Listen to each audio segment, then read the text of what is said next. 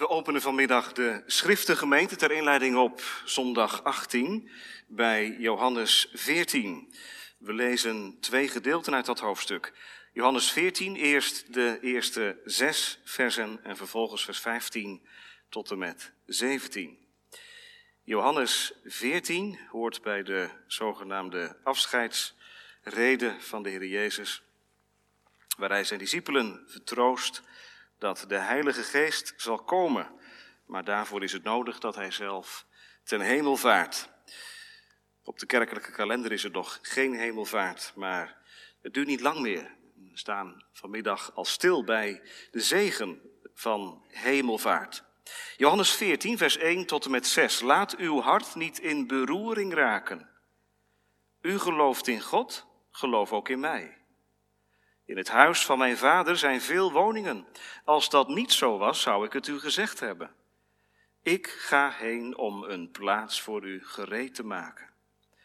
En als ik heen gegaan ben en plaats voor u gereed gemaakt heb, kom ik terug en zal u tot mij nemen, opdat u ook zult zijn waar ik ben. En waar ik heen ga, weet u. En de weg weet u. Thomas zei tegen hem, heren, wij weten niet waar u heen gaat. En hoe kunnen wij de weg weten? Jezus zei tegen hem, ik ben de weg, de waarheid en het leven. Niemand komt tot de Vader dan door mij. Vers 15, als u mij lief hebt, neem dan mijn geboden in acht. En ik zal de Vader bidden en hij zal u een andere trooster geven, opdat hij bij u blijft tot in eeuwigheid, namelijk de geest van de waarheid, die de wereld niet kan ontvangen, want zij ziet hem niet en kent hem niet. Maar u kent hem, want hij blijft bij u en zal in u zijn. Tot zover Johannes 14. We lezen samen zondag 18, vraag en antwoord 49. Deze vraag op de handout staat de wat eenvoudiger versie. Welke nut heeft de hemelvaart van Christus voor ons? En dan uit het antwoord, dat splitst zich in drieën uit één. Ten eerste dat Hij in de hemel onze voorspraak is voor het aangezicht van zijn Vader.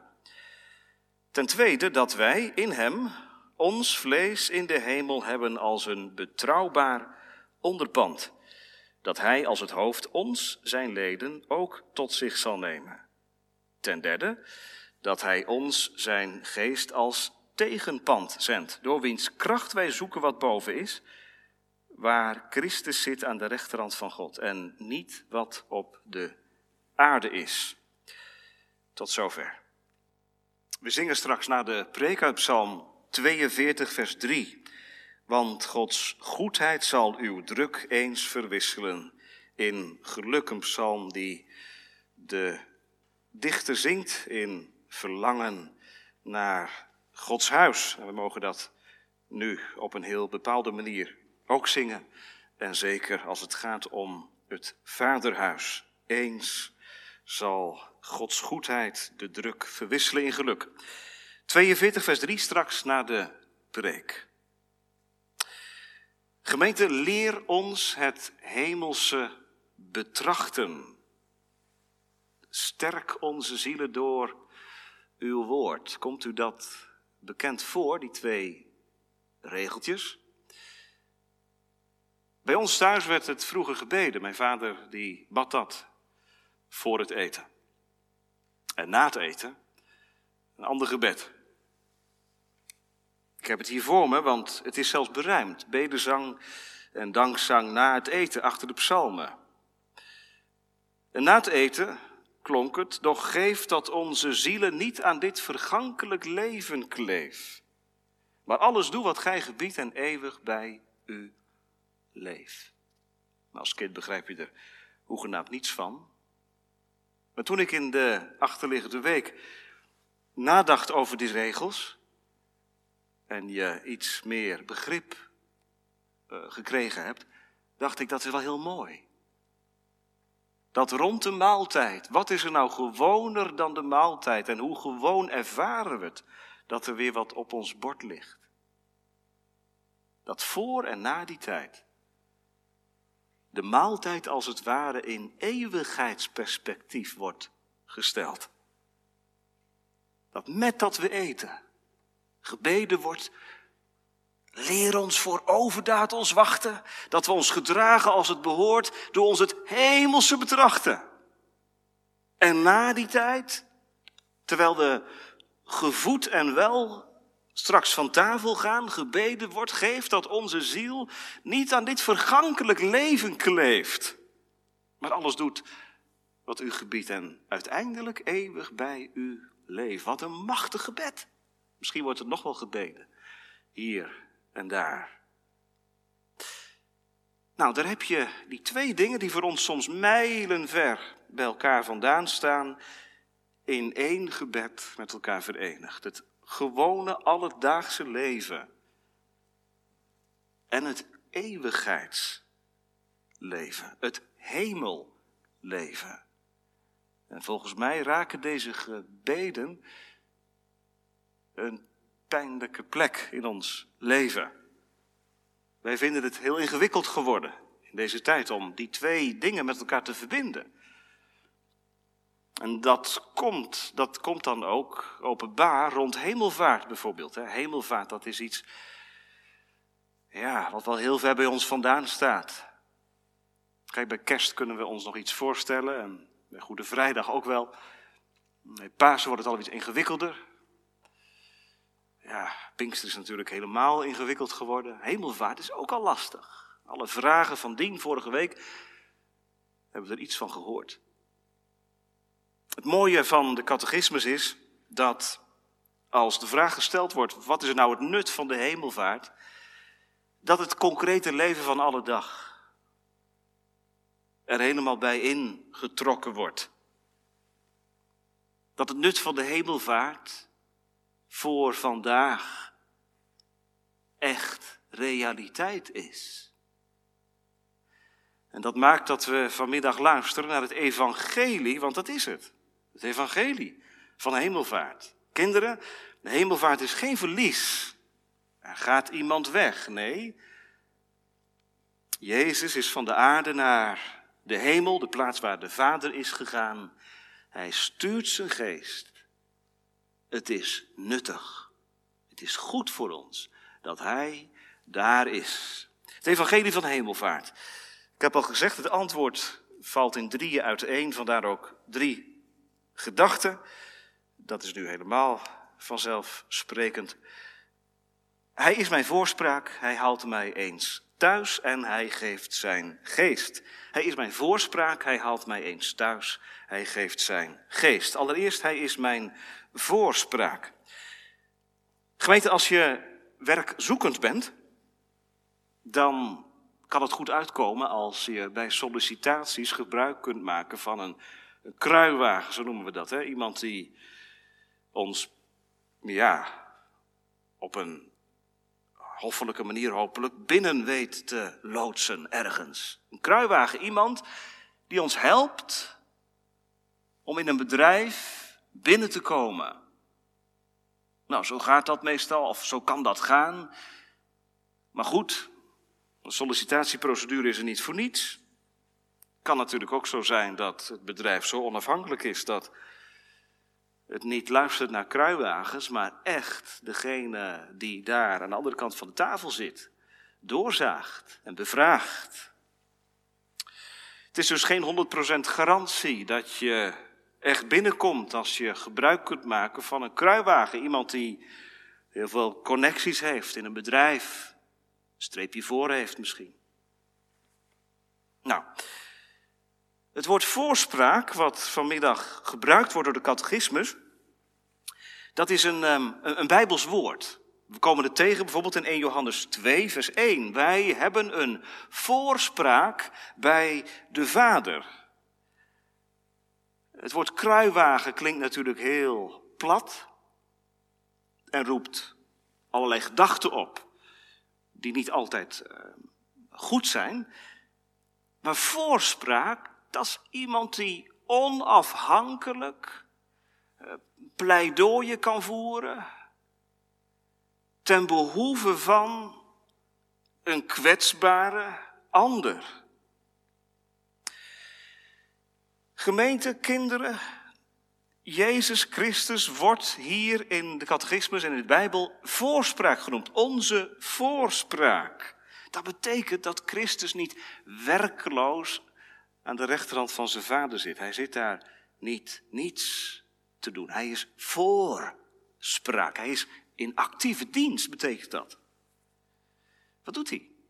Nou, voor de allerhoogste instantie, voor het aangezicht van zijn vader, de catechismus benoemt dat ook nadrukkelijk, hè, voor het aangezicht van zijn vader is hij voorspraak. Je zou kunnen denken aan de brief aan de Hebreeën, waar Jezus de bedienaar van het heiligdom wordt genoemd.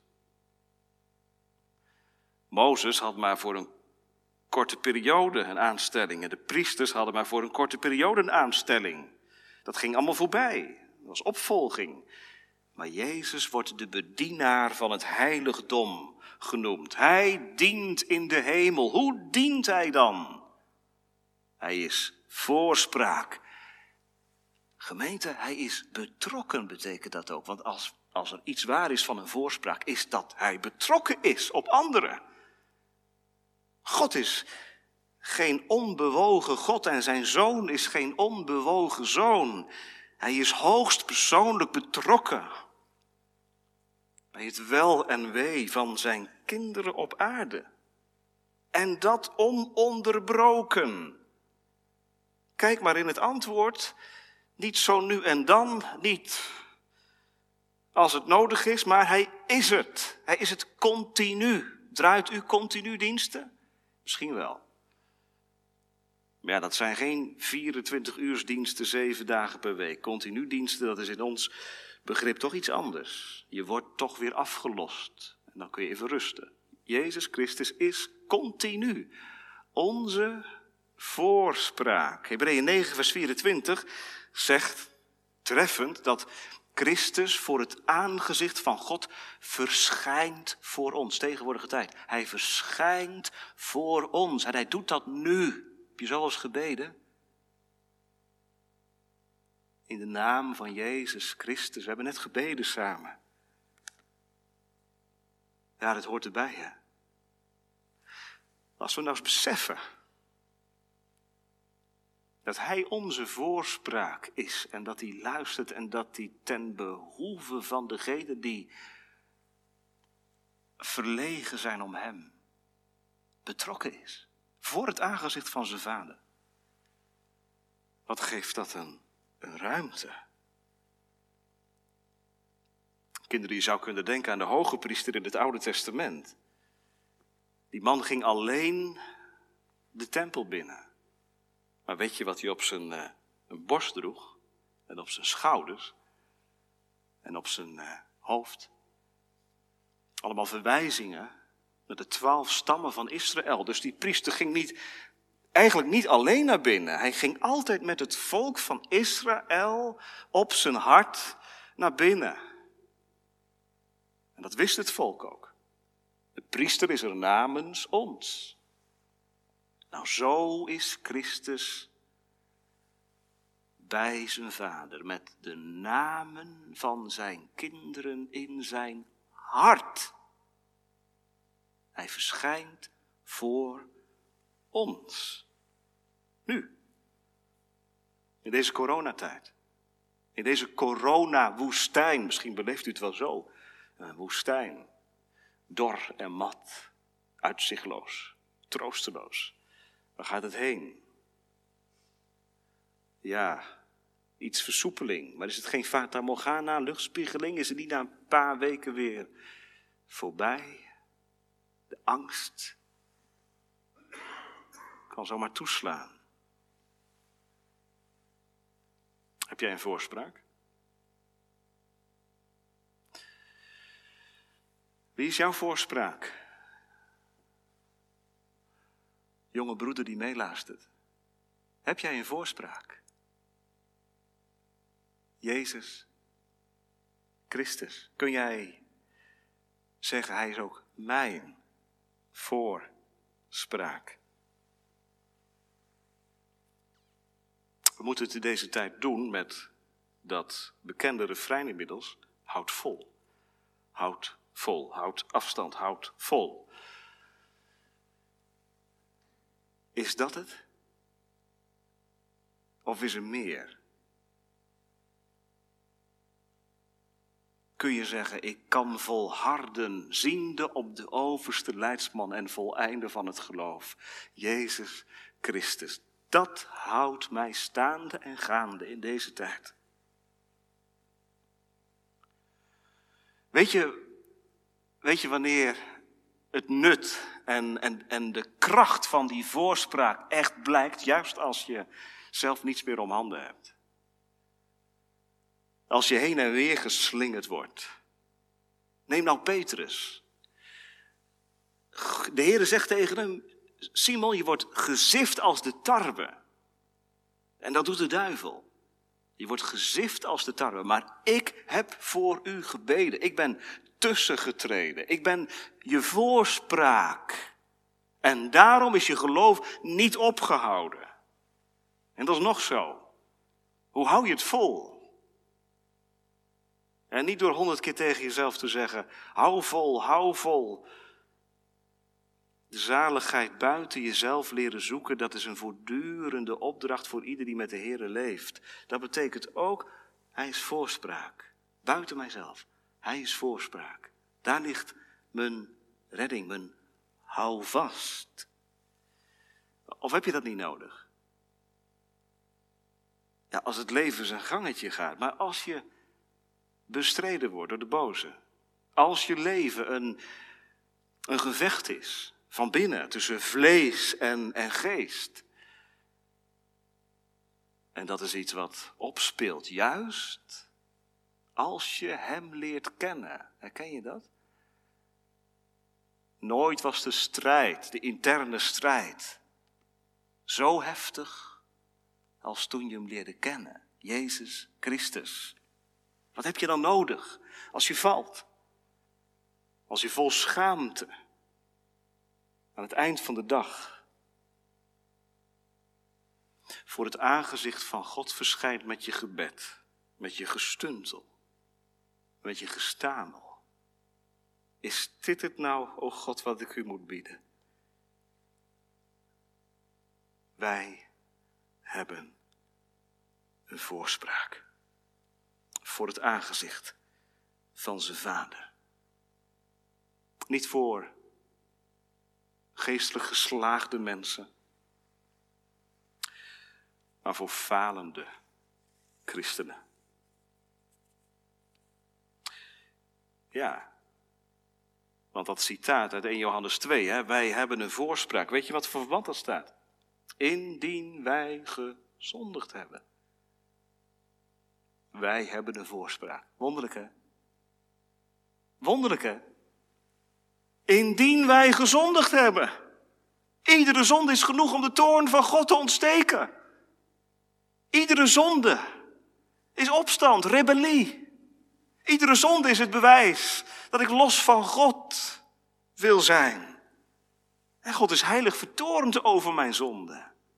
Aangeboren en daadwerkelijke zonden. Die zonde waarmee ik speel in mijn fantasie, die ik bedrijf. Die karakterzonden die ik zomaar laat gebeuren. Jaloezie in relaties, wantrouwen, verbittering. Dan en hier en daar komt het evangelie van de voorspraak tot ons. Het is geen doekje voor het bloeden. Oh, maak je niet, maak je niet ongerust, we hebben toch een voorspraak. Nee, dit is troost voor aangevochten gemoed. Voor geloof in de crisis. Wij hebben een voorspraak. En als je. De catechismus is heel inclusief, hè? Als je daarbij, daarbij hoort.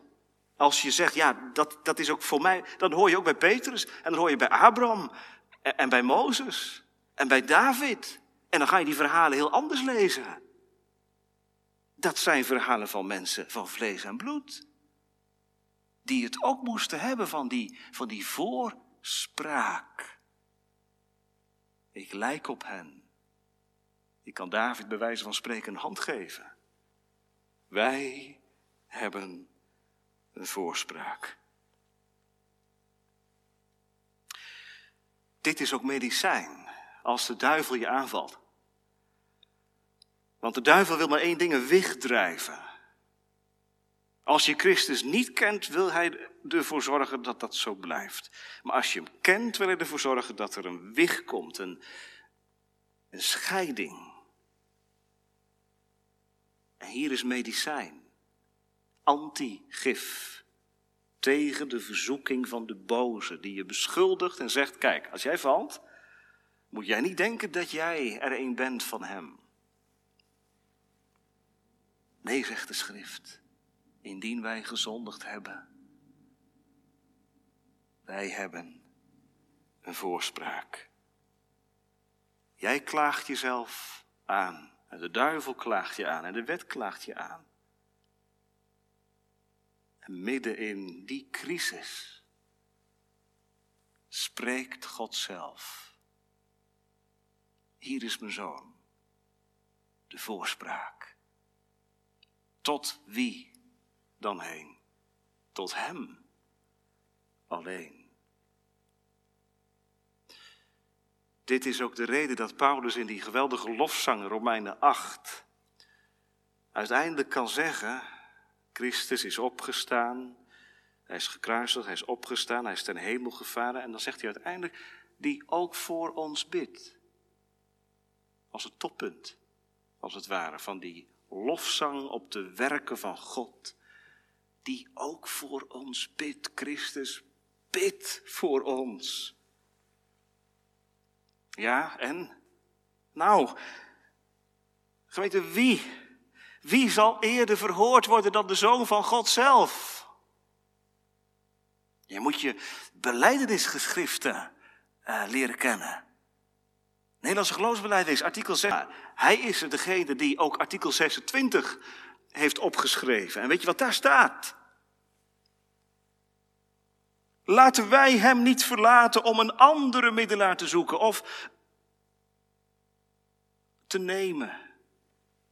Want toen God Christus aan ons gegeven heeft, wist hij wel dat wij zondaars waren.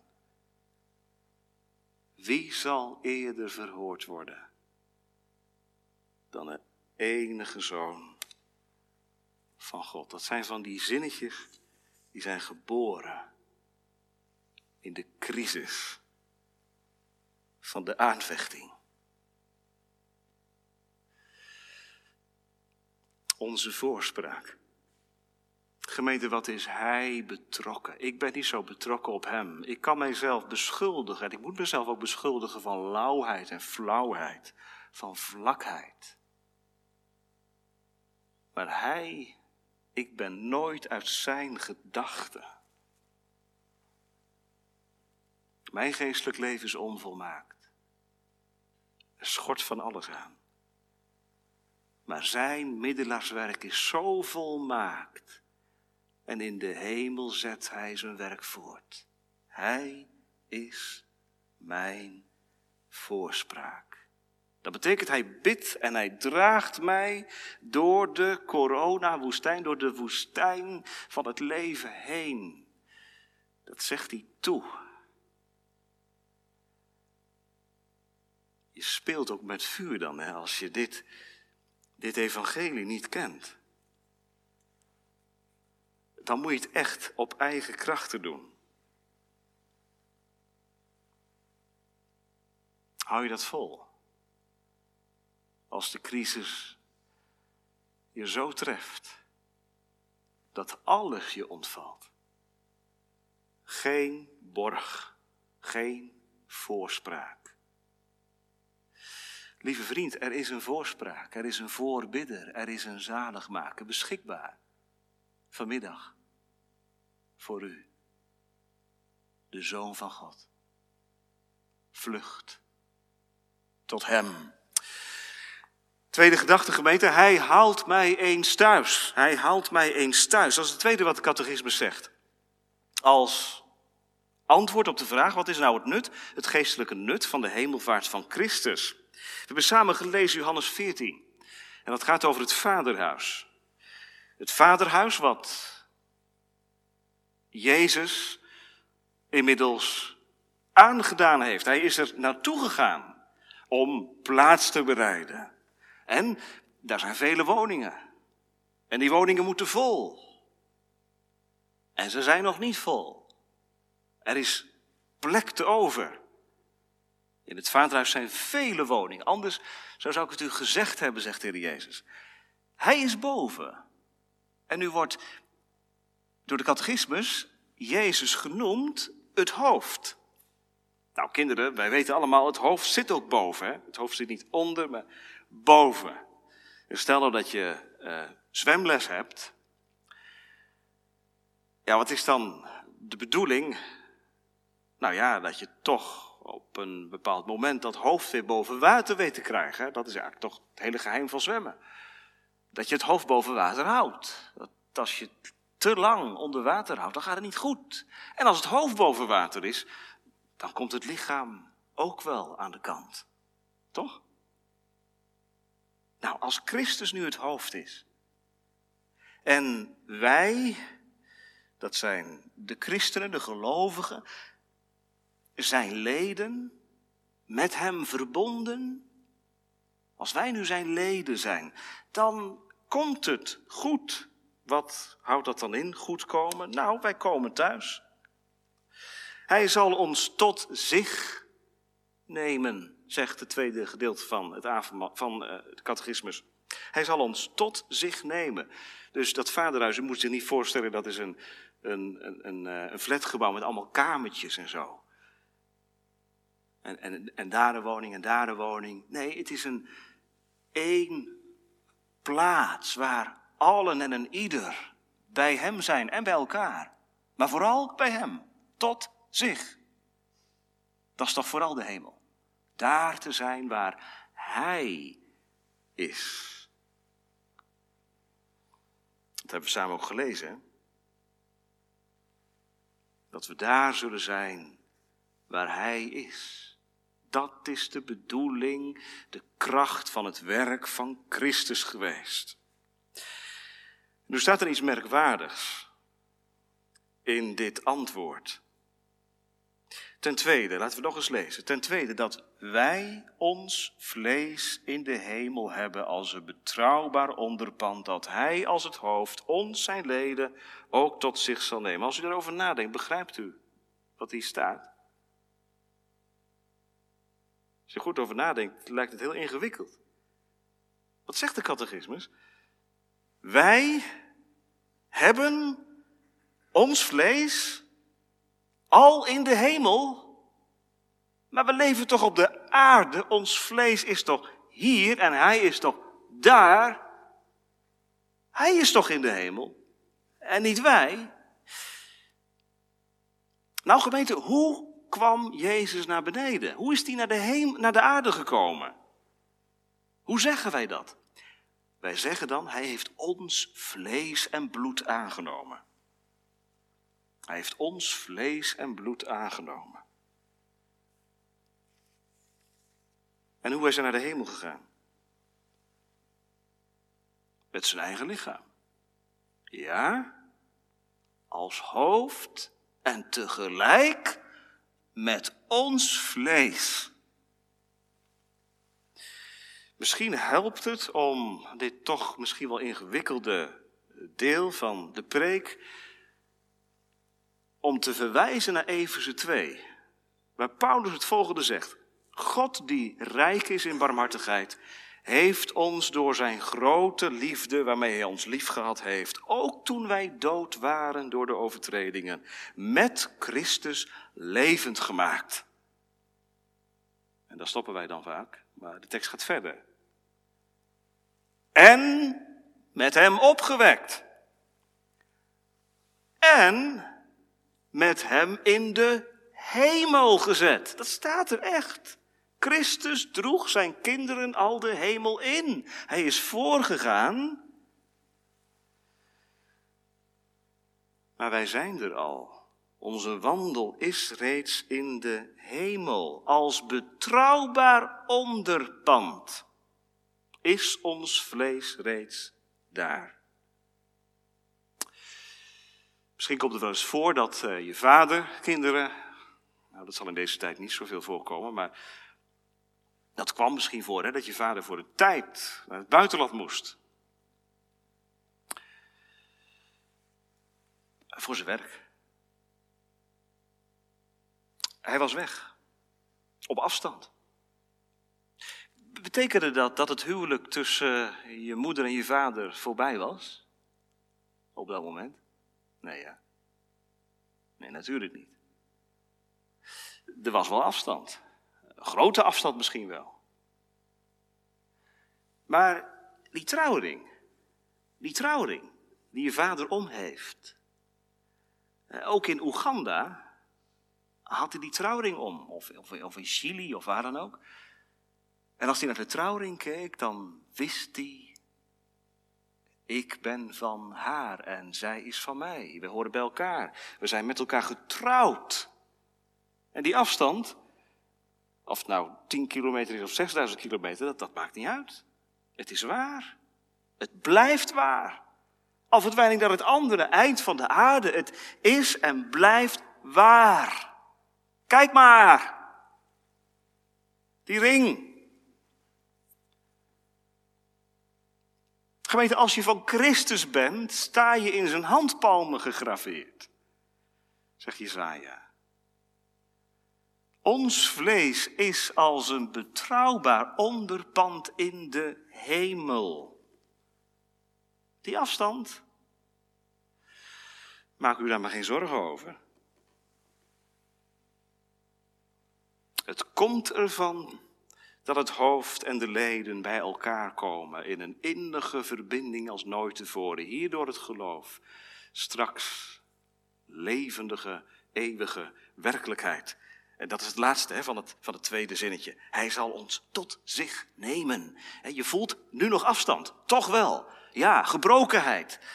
Zeker. En niet altijd het zicht erop hebben. Ook dat. Maar dat gaat voorbij. Tot zich nemen, dat betekent. Nou ja, om het voorbeeld maar af te maken. Je vader kwam terug uit Oeganda. Na zes weken. En dit is allemaal voor de coronatijd. En hij werd opgehaald van het, van het vliegveld. En hij stapt het vliegtuig uit en hij, hij, hij wandelt het, uh, het gebouw binnen. En je staat te wachten. En je moeder en je vader die vliegen elkaar om de hals. Tot zich nemen. Bij elkaar. Dat zal het zijn, gemeente.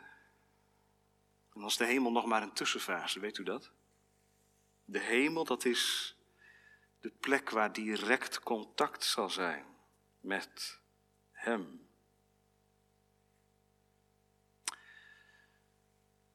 Maar het gaat toe naar de nieuwe aarde. Waarop gerechtigheid woont. Waar Hij het stralende middelpunt is. En waar er contact zal zijn als nooit tevoren. Met elkaar en met Hem. Iemand vraagt, waarom dan deze tussentijd? Deze tijd van verdriet, gebrokenheid, gevecht met de zonde, met de Satan. Waarom haalt hij ons niet meteen thuis? Waarom bespaart hij ons die aardse reis niet? Dat woestijnleven, zeg maar, hè? die coronatijd. Waarom? Waarom hoort dat er toch bij? Nou, twee dingen. Zou het kunnen zijn dat Christus zijn kinderen op deze aarde wil hebben omdat er een taak voor hen ligt? Een taak voor u. U bent het licht van de wereld. Jezus was het licht der wereld. Hij is teruggekeerd. U bent het licht van de wereld. Dat is één. En twee, zou het kunnen dat deze tijd van woestijnleven bedoeld is om ons te oefenen in het verlangen en hopen en hunkeren naar dat wat komen gaat. Want dat is toch wel het, het geweldige. Wat een kind van God heeft. Wat hij voor heeft, boven wie dan ook. Een uitzicht tot in eeuwigheid. Waar graf en dood geen beslag meer op kunnen leggen. Wie Christus lief heeft, die deelt in het opstandingsleven en in het hemelleven. Oefening in verlangen. Ja, dat is nou net het punt, zegt iemand. U hebt vanmorgen gepreekt over 1 Korinthe 15. U hebt ook gezegd dat het misschien wel een heel pijnlijk uh, moment is hè, als die dingen aan de orde komen. Omdat er zo weinig verwachting en, en uitzicht is. En ik beschuldig mijzelf ook dat dat zo is. Maar hoe wordt dat anders? Nou, dat is het laatste. Dat is het laatste van het antwoord. Ten derde, hij geeft zijn geest. En u ziet onderpand vanuit het tweede gedeelte en tegenpand vanuit het derde gedeelte, dat hoort bij elkaar. Ons vlees is als een onderpand bij hem. En hij zendt zijn geest als een tegenpand. En wat doet die geest? Die geest, die is gegeven om de naam van Christus levend te houden in mijn hart. Om het woord van God binnen te dragen in mijn hart. Om de beloften van God te verzegelen aan mijn hart. En om het zicht op Hem te hebben. En ook te houden. Want het is door die geest dat ik zoek, zegt de catechismus, wat boven is. Waar Christus nu al zit aan de rechterhand van God en niet wat op de aarde is. C.S. Lewis heeft eens gezegd: richt je op de hemel en je krijgt de aarde erbij. Richt je op de aarde en je krijgt ze geen van beide. Nou, misschien is dit wel een moment even in de preek om eens even stil te zijn.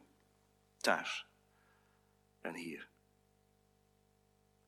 En onszelf gewoon maar eens af te vragen. Hoe staat het ermee? Daar word je niet slechter van. Richt je op de hemel, dan krijg je straks de aarde erbij. Of is het het tweede? Richt je op de aarde en je krijgt geen van beide. De scherp. Maar zo scherp sprak Jezus. En zo scherp is het woord. Om wakker te schudden. Op te scherpen. Ja, hoe moet je dan op de hemel? De geest. De geest doet het. De geest wordt hier kracht toebedeeld. De geest is geen kracht, de geest is een persoon, maar het gaat hier over de kracht van de Heilige Geest. Het is niet mijn kracht, het is niet mijn gelovigheid, het is niet mijn geestelijkheid, het is niet mijn, um, mijn geweldige stille tijd of zo, uh, mijn bezighouden met oude schrijvers of zo. Nee, het is de geestkracht. En natuurlijk, hij maakt gebruik van middelen, van het woord en van het spiegelen aan mensen die met hem leven. Maar het is de geest, de geestkracht waardoor wij zoeken wat boven is. Hemelvaartsleven op aarde. Wat betekent dat dan? Nou, dat Christus verheerlijkt wordt in je leven. Want dat wil de geest. Als je nou heel kernachtig zou moeten samenvatten wat de geest doet. Christus centraal stellen in je leven, in je denken, eh, in je doen en laten. Wat zou Christus doen? Gemeente, er is heel veel onzeker in het leven. En zeker in deze tijd. Wat doet de Heilige Geest? De Heilige Geest leert leven niet bij wat de overheid op dit moment uitvaardigt en ons bekend maakt. En hoezeer we daar ook behoefte aan hebben, u net zo goed als ik. Maar door de Heilige Geest weten we ook dat dit een fase is. De Geest is het door wiens kracht wij zoeken wat boven is. Er is een land zonder corona van louter licht, waar heiligen heersers zijn. Vergezichten oproepen, dat doet de Heilige Geest. Niet dagdromen. Nee, gewoon met beide benen op de aarde. Trouw zijn. Je plicht doen. Zo goed en zo kwaad als het gaat. En tegelijk dat verlangen. Wat gewekt wordt door de geest. En versterkt wordt door de geest. Heere, maak mij gelijkvormig aan Christus. Zodat ik straks rijkelijke ingang mag krijgen. In het koninkrijk. De Heilige Geest. Hij is het die de doodsteek geeft aan mijn individualisme. Aan mijn voortdurend gericht zijn op mezelf en draaien om mijn ego. Oh, wat heeft de geest een werk aan mij? Wat heeft Christus een werk aan mij? Maar het is door de geest dat ik de zonde van zelfzucht en egoïsme en jaloezie dood Paulus legt dat uitvoerig uiteen in zijn brieven. En ik denk op dit moment aan de vrucht van de geest, waarover hij in gelaten schrijft. De vrucht van de geest, zachtmoedigheid, trouw, matigheid, zelfbeheersing. Dat is de geest. Maar dat levert toch een gevecht op, zegt iemand, want ja, dat doet het ook. De zonde is als zwaartekracht die naar beneden trekt. Maar de geest is trekkracht van boven. Ik zoek dat wat boven is en niet wat op de aarde is. Dat moet ik leren. Dat moet ik leren. Dat is een proces. En daar heb je ook anderen voor nodig. Dat is nou een van de redenen, gemeente. Dat zoals het nu gaat niet de bedoeling is. Echt hoor. Niet allemaal op je eentje achter het scherm een dienst luisteren. Misschien is het in sommige situaties best comfortabel. Maar het is de bedoeling dat de gemeente bij elkaar is. Want daar wordt het geoefend, het geheim van volharding, van verdraagzaamheid. Paulus heeft het in Efeze 3 over het samen toegroeien naar Hem. En daar heb je die ander voor nodig. De Heilige Geest. Hij is het. Die mij leert hunkeren, hopen, verwachten, liefhebben. Kinderen, dat zijn allemaal werkwoorden die horen bij God. Weet je wat bij de aarde hoort? Boos zijn. Vechten. De ander een hak zetten. Bitterheid kwaadspreken, dat is de aarde. En de hemel, is het goede. Zoals Christus leefde. Is die hunkering in je gekomen? Niet omdat je zo'n lief karakter hebt, maar omdat de Heilige Geest dat heeft gewekt.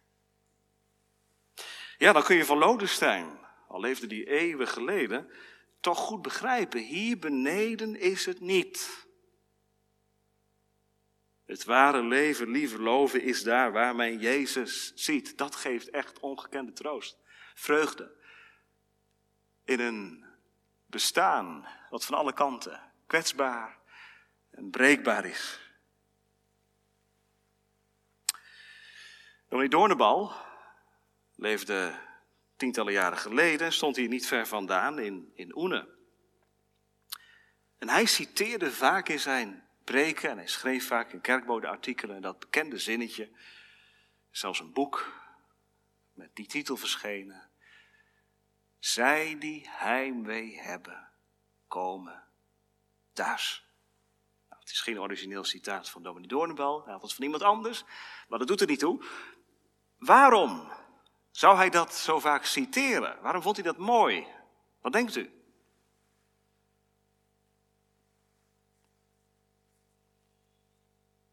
Natuurlijk, Dominee Doornbal was wat nostalgisch aangelegd en een romantische geest. Maar hij hunkerde vooral. Dat merk je als je zijn preken leest, als je zijn artikelen leest, jaren na dato. Hij hunkerde. Waarnaar? Naar dat wat boven is. De verdeeldheid, de gebrokenheid, de zonde, het vlees, de duivel, voorbij. Zij die heimwee hebben, komen thuis. Heimwee, dat is het hè. Thuis. Een stukje pijn. Je smacht naar thuis. Net als die dichter van Psalm 42, op afstand van het heiligdom. Het was niet te verdragen. Iemand schreef een tijdje geleden. Ik reed langs de Victorkerk en Psalm 42 kwam boven. Wanneer zal ik opgaan met de feesthoudende menigte? Ja, dat kun je hebben als de kerk ook iets van thuis geworden is. Maar helemaal als het gaat om het vaderhuis. En Psalm 42 legt woorden op de lippen van allen die hunkeren om Christus wil en door de Heilige Geest naar wat boven is. Nou, dat is nou te danken aan de hemelvaart van Christus. Daarom is het goed dat hij weg is gegaan naar huis is gegaan en zijn geest heeft uitgezonden om mij eens daar te brengen. U en mij, ja, ook voor u en voor jou. Zullen we er zijn? Thuiskomen? Dat is sterven dan. Thuis komen op kosten van het lam en door de kracht van de Heilige Geest. Wat een goede boodschap. Eens zal mijn druk verwisseld worden in geluk. Hoop daarom op God. Slaat oog naar boven. Amen.